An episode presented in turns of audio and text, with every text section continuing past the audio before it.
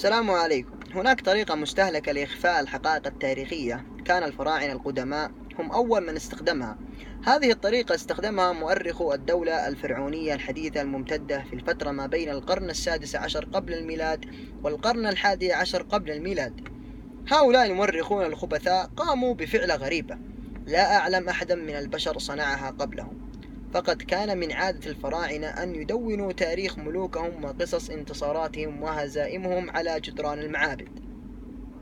فلاحظ علماء الآثار الأوروبيون أن هناك نقوشا قد أزيلت من جدران بعض المعابد الفرعونية بشكل يبدو عليه أنه متعمد.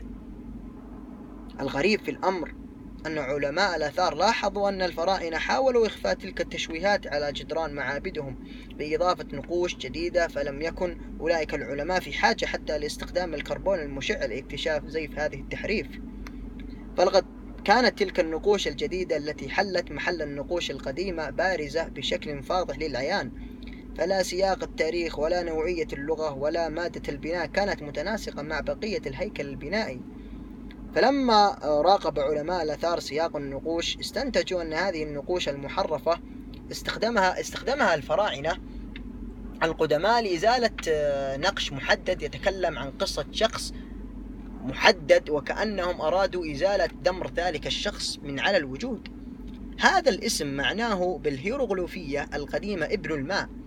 فكلمة ماء بالهيروغليفية تعني مؤة وكلمة ابن تعني عندهم سي فكان هذا الاسم المركب يعني باللغة الهيروغليفية ابن الماء وهو نفس الاسم الذي أطلق على طفل التقطه الفراعنة من ماء النيل.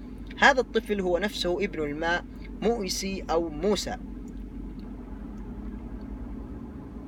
ليس الغرض من هذه المقدمة التاريخية هو ذكر قصة النبي نبي الله موسى عليه السلام. ولكن ما قصدته من هذه المقدمة هو توضيح بعض أساليب التحريف التي يستخدمها كل من أراد تزييف الحقائق التاريخية لإخفائها عن عامة الناس. فالفراعنة أمروا بإزالة كل نقش كان قد نقش عن موسى بن فرعون قبل أن يتحول إلى موسى عدو فرعون. والمضحك في الموضوع أن المزيفين في كل الزمان يستخدمون هذه الطريقة الفرعونية المستهلكة.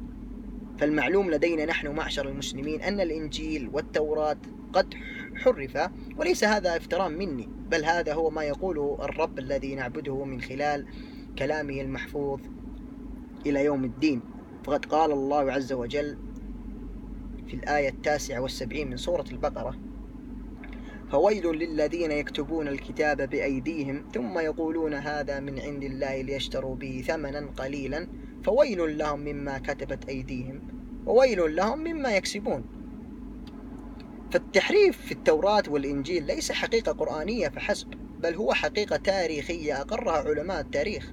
فالمعروف أن العبرانيين قاموا بتدوين العهد القديم أو ما يسمى بالتوراة لأول مرة بعد مرور أكثر من 900 سنة على موت موسى عليه السلام.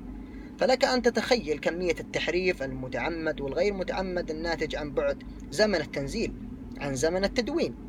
أما الإنجيل أما الإنجيل فهو ليس موجود أصلا. فليس هناك أي نسخة على وجه الأرض للإنجيل الذي أنزله الله على رسوله عيسى عليه السلام. فالمعلوم أن عيسى من بني إسرائيل ولغة بني إسرائيل هي العبرانية. فالمفروض أن يكون الإنجيل بلغة القوم المنزل عليهم كالعبرانية أو حتى الآرامية التي هي لغة أهل فلسطين في ذلك الزمان. فعلى سبيل المثال لا الحصر ما هو المعنى من أن يكتب مثلا كاتب مصري كتابا مثلا غير اللغة العربية لينشره في صعيد مصر؟ فالمعروف تاريخيا أن أقدم نسخة للعهد الجديد مكتوبة بالإغريقية القديمة والتي لم يكن السيد المسيح يتكلم بها أصلا بل إن هذه النسخة ظهرت بعد عشر سنوات من, آه، رفع الله للمسيح ذلك لا توجد أصلا نسخة أصلية للإنجيل يمكن لنا من خلالها أن نكتشف التحريف الواقع في الطبعات. ولكن يمكن القول مجازا أن النسخة الإغريقية هي النسخة الأقرب تاريخيا للأصل المفقود. في هذه النسخة بالتحديد وبعد البحث عن اسم رسول الله صلى الله عليه وسلم والذي أخبرنا الله بوجوده في الإنجيل باسم أحمد. على سبيل الخصوص وجدت في إنجيل يوحنا الإصحاح السادس عشر الفقرة السابعة ما يلي. لكني أقول لكم الحق إنه خير لكم أن أنطلق.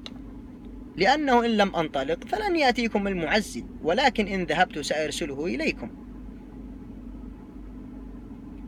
فقد أخبرنا الله في القرآن الكريم أن عيسى المسيح عليه السلام قد أخبر أتباعه أو أتباعه ومبشرا برسول يأتي من بعدي اسمه أحمد.